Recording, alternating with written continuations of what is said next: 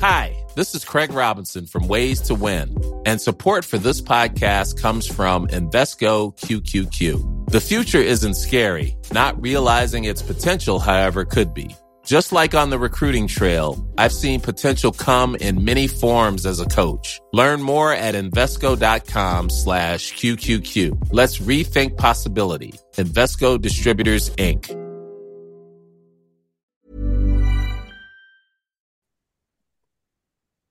Halo pendengar GGMI Podcast, baik lagi bersama kita bertiga dan kita mau ngebahas kekalahan MU di kandang Newcastle dengan skor 0-1 dari gol Anthony Gordon. Cuman ini kita membahas dari mulai starting eleven dulu, Vin. Di mana banyak orang memperdebatkan Onana apakah masih layak dan juga Rashford yang dianggap kontribusinya minim. Nah, mereka berdua main nih, Vin. Bahkan dari awal gitu kan. Lu gimana nih secara starting dulu? Iya, kalau starting sebenarnya em, misalnya bicara back ya, itu gue juga udah bilang di em, preview bahwa ada kemungkinan show jadi back tengah, tapi gue sebenarnya lebih yakin show di back kiri gitu. Cuma ternyata show di back tengah karena tactical issue, jadi Dalot di kiri gitu. Nah, gelandang juga gue sebenarnya bilang kemungkinan Amrabat sama Scott McTominay, tapi ternyata Mainu dan eh, Scott McTominay. Dan depan gue juga berpikir yang main tuh bakal Garnacho dan Anthony karena mainnya bagus kan Anthony. Cuma ternyata Rashford yang di kanan dan penyerangnya gue kira juga Hoylund tapi ternyata Anthony Martial gitu. Yang mana sebenarnya ya pilihan-pilihan ini sih eh, 50-50 ya. Dibilang salah enggak juga lebih ke karena misalnya let's say Anthony sama Hoylund itu menurut gue lebih kepada mungkin mereka belum fit 100% gitu makanya harus ada apa ya, ada rotasi lah gitu. Kemudian kalau Amrabat sama Mainu ya Mainu memang mungkin lebih oke ya dibanding Amrabat dan sebenarnya oke-oke aja Mainu nggak ada masalah. Dan back tengah juga sama back kiri ya apa ya? Ya ini kan taktikal juga gitu. Bisa aja lu pasang Lindelof di sana, kemudian show back kiri gitu. Tapi kita juga ngelihat gitu, Lindelof di lawan Everton tuh sering blunder gitu loh. Yang bikin eh, kita kena serang. Sedangkan kemarin dipasang Luke Shaw nggak jelek juga dan pasang Dalot di kiri gitu. Dalot juga sering kali bagus kan di kiri. Cuma kemarin emang fullback kita dua-duanya ya, Dalot di kiri, Wan bisa di kanan tuh surprisingly dua-duanya jelek gitu loh.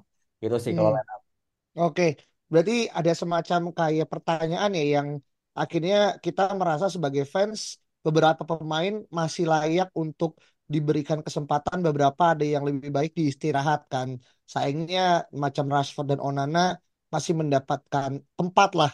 Dan nanti kita coba akan tanyakan ke Saung. Tapi dengan hasil kemarin, Ung, ini menempatkan MU di posisi ketujuh dengan 24 poin dan juga Newcastle di peringkat kelima dengan 26 angka gitu. Nah, lu ngelihat secara overall selain daripada hasil apa sisi-sisi yang mungkin perlu layak buat kita diskusikan, Ung? Em, apa ya? Ini kan musim kedua Erik ten Hag gitu kan.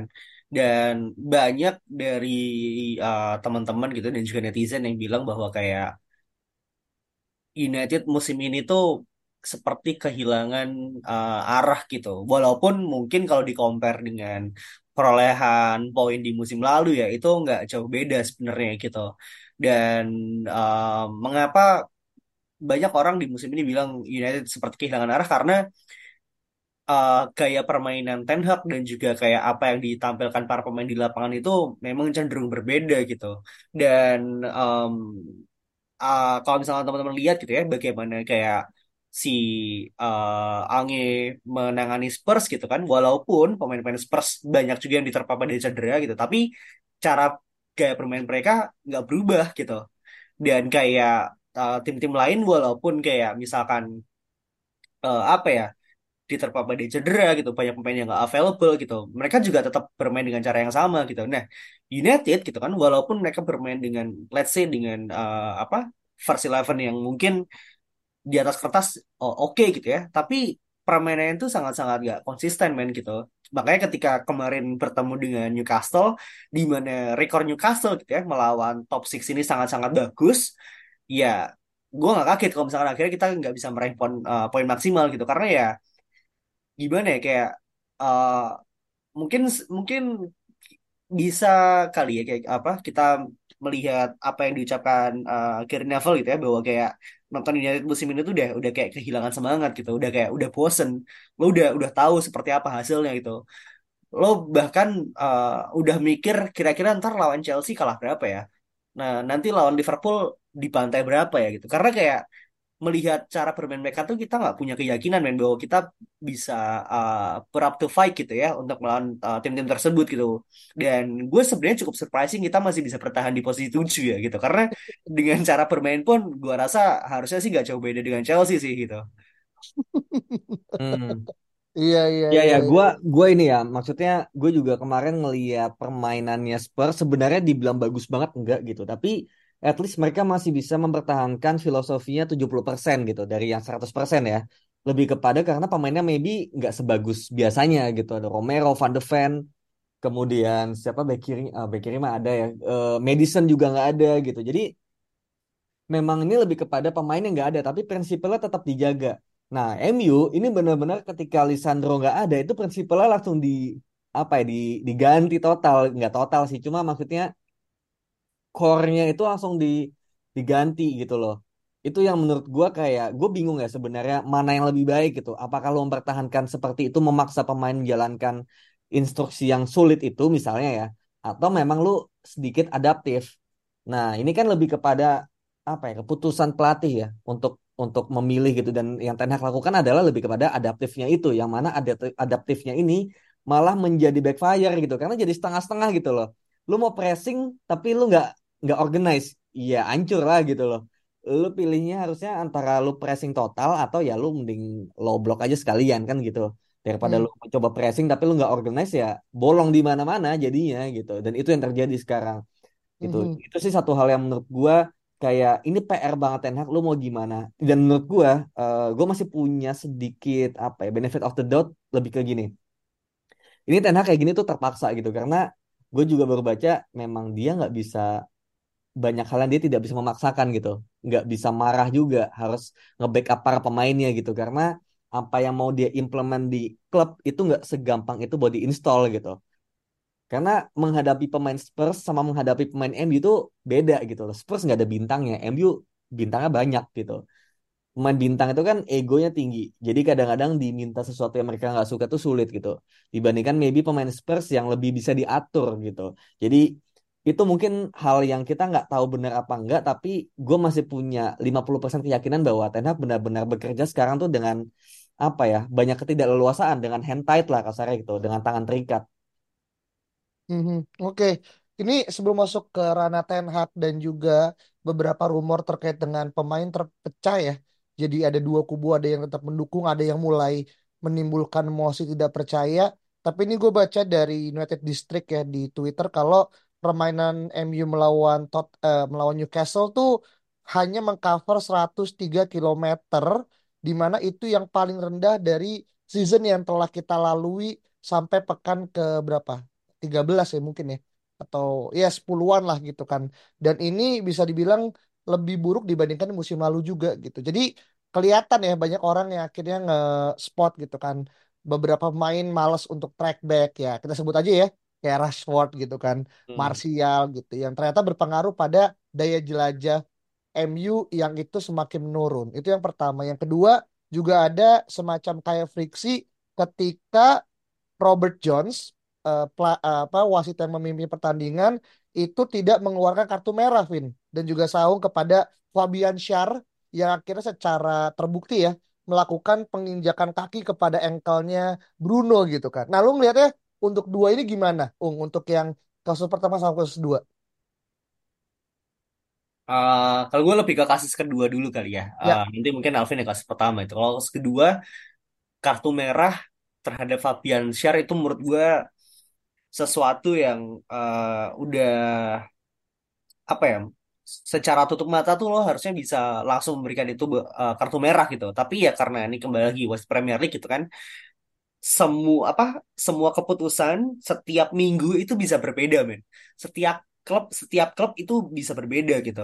Dan uh, apa namanya gue nggak kaget ketika United gitu ya di di sisi yang uh, apa namanya yang di tidak apa ya tidak diberikan keputusan ini tuh bukan sesuatu hal yang baru gitu.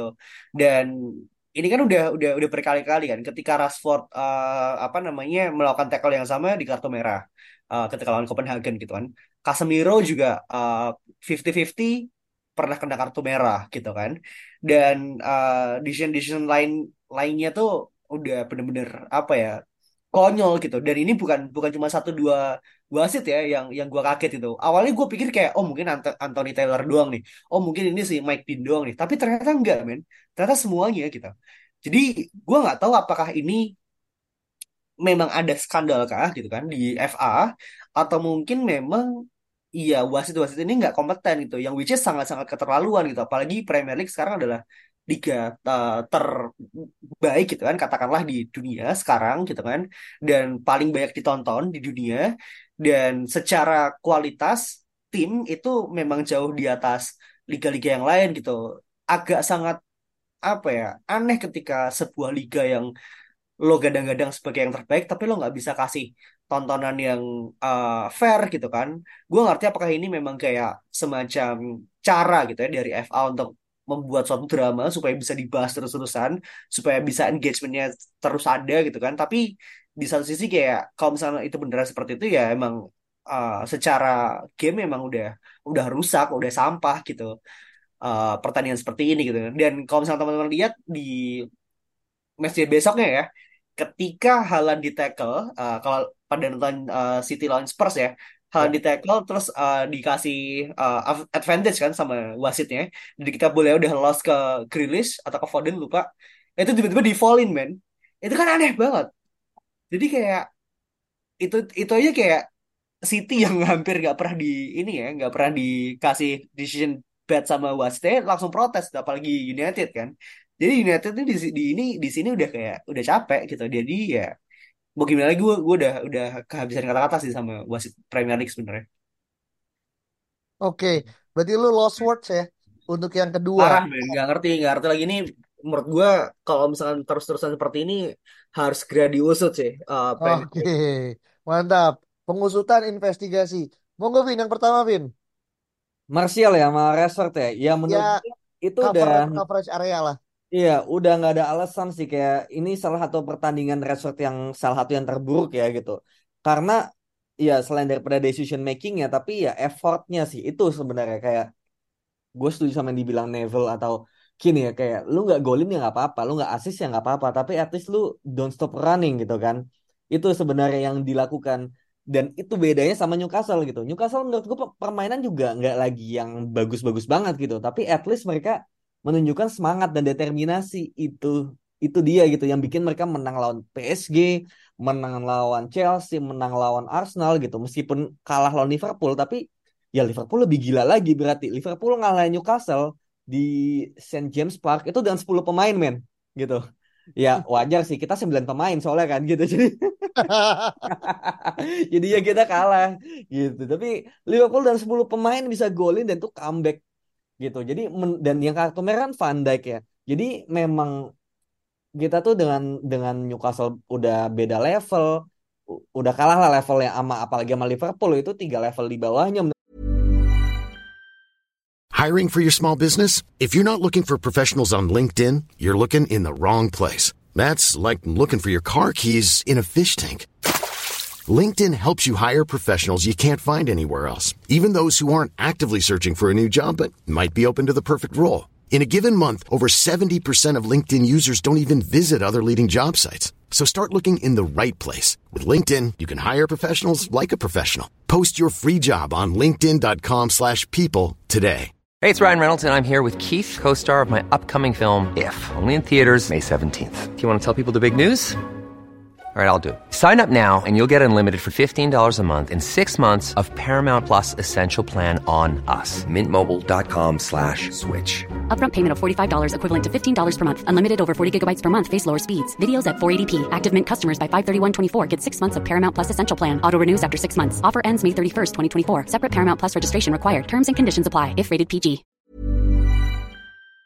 gue gitu karena nggak usah ngomongin taktik deh itu lu ngomongin determinasi aja dulu semangat dan menurut gue maybe memang Ten Hag juga bukan tipe yang ini ya seperti let's say gampangnya kayak Ole atau Mourinho ya yang bisa memotivasi, bisa bikin pemain mau bermain gitu. Tapi ya pemain juga selain daripada itu harus punya motivasi sendiri lah gitu loh. Kayak lu kan dibayar mahal, lu juga icon klub, lu icon timnas Inggris juga. Masa mainnya begitu gitu. Martial juga kan ada insiden di mana dia apa namanya nggak terima di mungkin dimarahin sama Ten Hag ya. Tapi menurut gue ya itu biasa gitu. Itu biasa terjadi itu untuk adanya saling marah gitu kan. Bahkan Pep sama Haaland juga pernah kayak gitu kan. Tapi yang bisa terlihat adalah ya Haaland gitu. Haaland masih bisa deliver something gitu. Tapi Martial nggak deliver apa-apa kan gitu bedanya. Jadi menurut gue di sini memang dua pemain ini sangat-sangat disorot dan yang paling gampang ya Martial lah ya. Musim akhir musim ini bakal selesai kontraknya tapi resort. Nah, ini yang sulit gitu kayak apa ya? Kita nggak tahu mau gimana gitu. Ada yang bilang konspirasi ya kayak resort ini nggak nyaman karena publik udah lebih menyukai Garnacho gitu kan. udah satu kayak gitu, yang kedua ngambil tempatnya juga di sayap kiri. Jadi resort yang harus pinggir ke kanan gitu ya. Tapi ya tetap aja lah itu nggak profesional. Cuma itu bisa menjadi satu alasan juga yang bikin dia jadi nggak happy gitu. Aduh, ini alasannya agak cukup klasik ya. Persaingan dan kompetisi gitu kan. By the Tapi way, mau nambahin, Martial, Martial itu bagus kalau backupnya lebih jelek dari dia. Tapi kalau backupnya lebih bagus dari dia, itu bisa dia jelek. Waktu itu sama Cavani kan, Martial iya, jelek, ya kan. Terus eh, pas Martial sama Weghorst, Weghorst lebih jelek kan, bisa dibilang kan. Itu Martial iya. bagus, bahkan kita kangen gitu kalau Martial itu fit. Sekarang Martial fit dan pas eh, saingannya Højlund, ya Martial jelek lagi gitu karena Højlund lebih bagus gitu loh. Hmm. Berarti ini lebih kepada kayak tergantung dengan siapa dia berkompetisi ya dan aneh juga ya. Mentality, ya, kan dia dia lebih bagus ketika orangnya lebih jelek gitu kan. Emang agak keluar dari market yang biasa kita temukan ya orang termotivasi ketika menemukan lawan yang lebih tangguh gitu. Tapi oke lah ini kita coba kesampingkan karena dalam waktu hitungan hari ya dua hari lagi kita akan melakukan laga kandang dan salah satu pertandingan yang mungkin akan kita tonton ya walaupun juga akan main di tengah malam juga itu. Di mana kita akan bertemu dengan Chelsea di tanggal 7 Desember jam 3 lewat 15 waktu Indonesia Barat gitu kan. Di mana ini adalah pertandingan menurut gua iya papan tengah lah ya. Apa peringkat 7 melawan peringkat 10 gitu kan. Nah, gimana Ung secara singkat mengenai eh, C- MU dan juga Chelsea Ung? MU dan juga Chelsea ini adalah pertandingan uh, Adut ya? super mediocre. Jadi uh, bukan super Sunday sih, ini super mediocre sih karena dua-duanya saat ini adalah tim papan tengah gitu kan. Dua-duanya punya motivasi yang uh, cukup kuat gitu kan, yaitu uh, siapa yang nanti akan uh, dibully lebih dahulu gitu di internet gitu kan.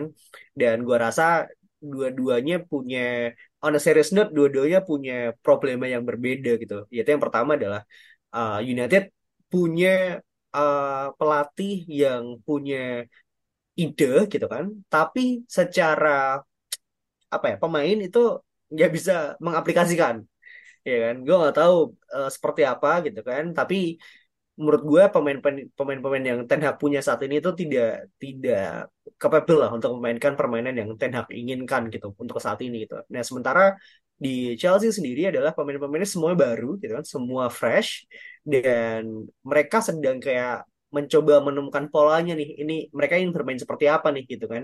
Mereka lagi mencoba mencari leadernya, mereka mencoba mencari blueprintnya gitu kan. Makanya ketika uh, Pochettino diangkat, gue masih belum terlalu takut pada Chelsea ya, karena kayak mereka masih masih meraba-raba lah mau ke mana gitu. Cuman tim yang kita lihat saat ini menurut gue masih sangat-sangat raw gitu. Dalam artian ketika musim depan atau dua musim lagi ini akan jadi lawan yang tangguh sih menurut gue Chelsea ini gitu. Tapi untuk sekarang ya uh, apa ya? Mereka masih bisa dibilang up, up, masih dua level di bawah Newcastle lah gitu. Jadi kalau misalnya kita nggak bisa menang lawan Chelsea besok gitu kan dengan segala uh, keterbatasannya, menurut gue ini uh, akan jadi pukulan yang cukup telak sih bagi Ten Hag gitu. Bahkan sebelum ketemu Liverpool di Anfield ya. Hmm. Seperti itu sih menurut gue. Oke, berarti lebih kepada ini bisa dibilang hal yang harusnya dibandingkan dengan Newcastle ini lebih bisa untuk kita ekspektasikan ini meraih hasil baik ya Ung ya dalam arti Harusnya seperti itu adalah Mm-mm. eh, menang gitu kan karena kita juga main di kandang. Tapi gini Vin, kalau kita ngeliat statistik nih ya dari tujuh laga terakhir antara MU dan juga Chelsea, kita tuh baru menang sekali, seri lima kali dan kalah sekali. Jadi banyak banget hasil imbang yang kita temukan eh, melawan eh, The Blues gitu kan. Nah, lu ngelihat ini akan menjadi another draw, sedangkan kita di musim ini tuh belum pernah seri sama sekali gitu. Jadi kalau kita melanjutkan tren yang ada lawan Chelsea, ya kita memberikan warna baru di musim ini di pekan ke-14 kita seri sekali gitu kan. Di mana selama 14 laga terakhir kita belum pernah seri di main di kandang. Atau lu punya pendapat lain, Vin? Iya, kalau prediksi langsung hasil gitu ya kita nggak pernah tahu ya gitu karena eh, nggak pernah bisa memprediksi apa yang terjadi nantinya gitu. Eh, cuma kalau yang gue lihat Chelsea ini kalau main lawan tim gede dia cenderung ada semangatnya gitu. Lawan City, lawan Liverpool gitu. Itu cukup semangat gitu. Bahkan Tottenham juga dihajar juga kan meskipun ada kartu merahnya ya gitu. Hmm. Kebalikan sama MU gitu. MU lawan tim gede malah ancur-ancuran gitu. Jadi ya kita nggak tahu nih MU ngeliat Chelsea adalah tim gede atau tim kecil. Chelsea juga ngeliat MU ini tim besar apa tim kecil gitu loh. Nggak tahu kayak gitu jadinya ini nggak bisa diprediksi nih gitu. Yang menang tuh siapa gitu. Jadi memang mungkin ini bakal jadi draw pertama kita atau mungkin kemenangan atau kekalahan ya semua bisa terjadi gitu. Cuma em, yang gue soroti adalah ya Chelsea juga banyak cedera gitu bahkan cedera lebih banyak dari kita dan juga tanpa Conor Gallagher ya yang kartu merah jadi eh, lebih terlimitasi sebetulnya gitu cuma ya satu hal ya itu menurut gue kayak somehow gue bisa ngelihat Chelsea ini lawan City itu bener-bener mainnya gila banget gitu pressingnya gila gitu. Dan ya pemain kita kalau di pressing kayak mana gitu loh. Kayak lawan Newcastle aja udah udah hancur juga kan. Jadi gue lebih ke lawan Chelsea ini meskipun minggu lalu gue bilang lawan Chelsea gampang ya tapi pas gue lihat lawan Newcastle begini lagi ternyata kayaknya nggak segampang itu gitu loh. Kata tidak segampang itu menurut gue jadi gue lebih ke sekarang lawan Chelsea meskipun di home ya tapi menurut gue sekarang masalah udah, udah bukan masalah home atau away-nya tapi lebih kepada kalau lo menghadapi eh, top 10 lah kasarnya gitu ya lu kemungkinan besar bakal kesulitan gitu tapi kalau lu menghadapinya eh, bottom 10 itu kemungkinan besar lu bisa menguasai pertandingan dan bisa menang gitu. Jadi since Chelsea ini juga ranking 10 dan masih masuk top 10, jadi gua merasa MU sepertinya masih bakal kesulitan sih gitu. Oke, kesulitan tapi chance menangnya lebih tinggi dibandingkan kita melawan Newcastle, bener nggak? Lebih tinggi tapi ya lawan Newcastle tuh udah jomplang banget men gitu loh. Gue udah tahu MU bakal kalah dari awal gitu loh. Tapi kalau Chelsea ini masih ada kesempatan menang tapi nggak gede juga menurut gue. Lebih ke draw sih. Oke, dan juga Chelsea kan juga kemarin kartu merah Conor Gallagher pas melawan Brighton ya. Dan juga sebelumnya kan juga kartu merah kan kalau nggak salah ya. Reece James Ya, ya. ya. Ya kan, jadi ini akan ditambah badai cedera plus eh, kartu merah yang mungkin eh, miss tiga games.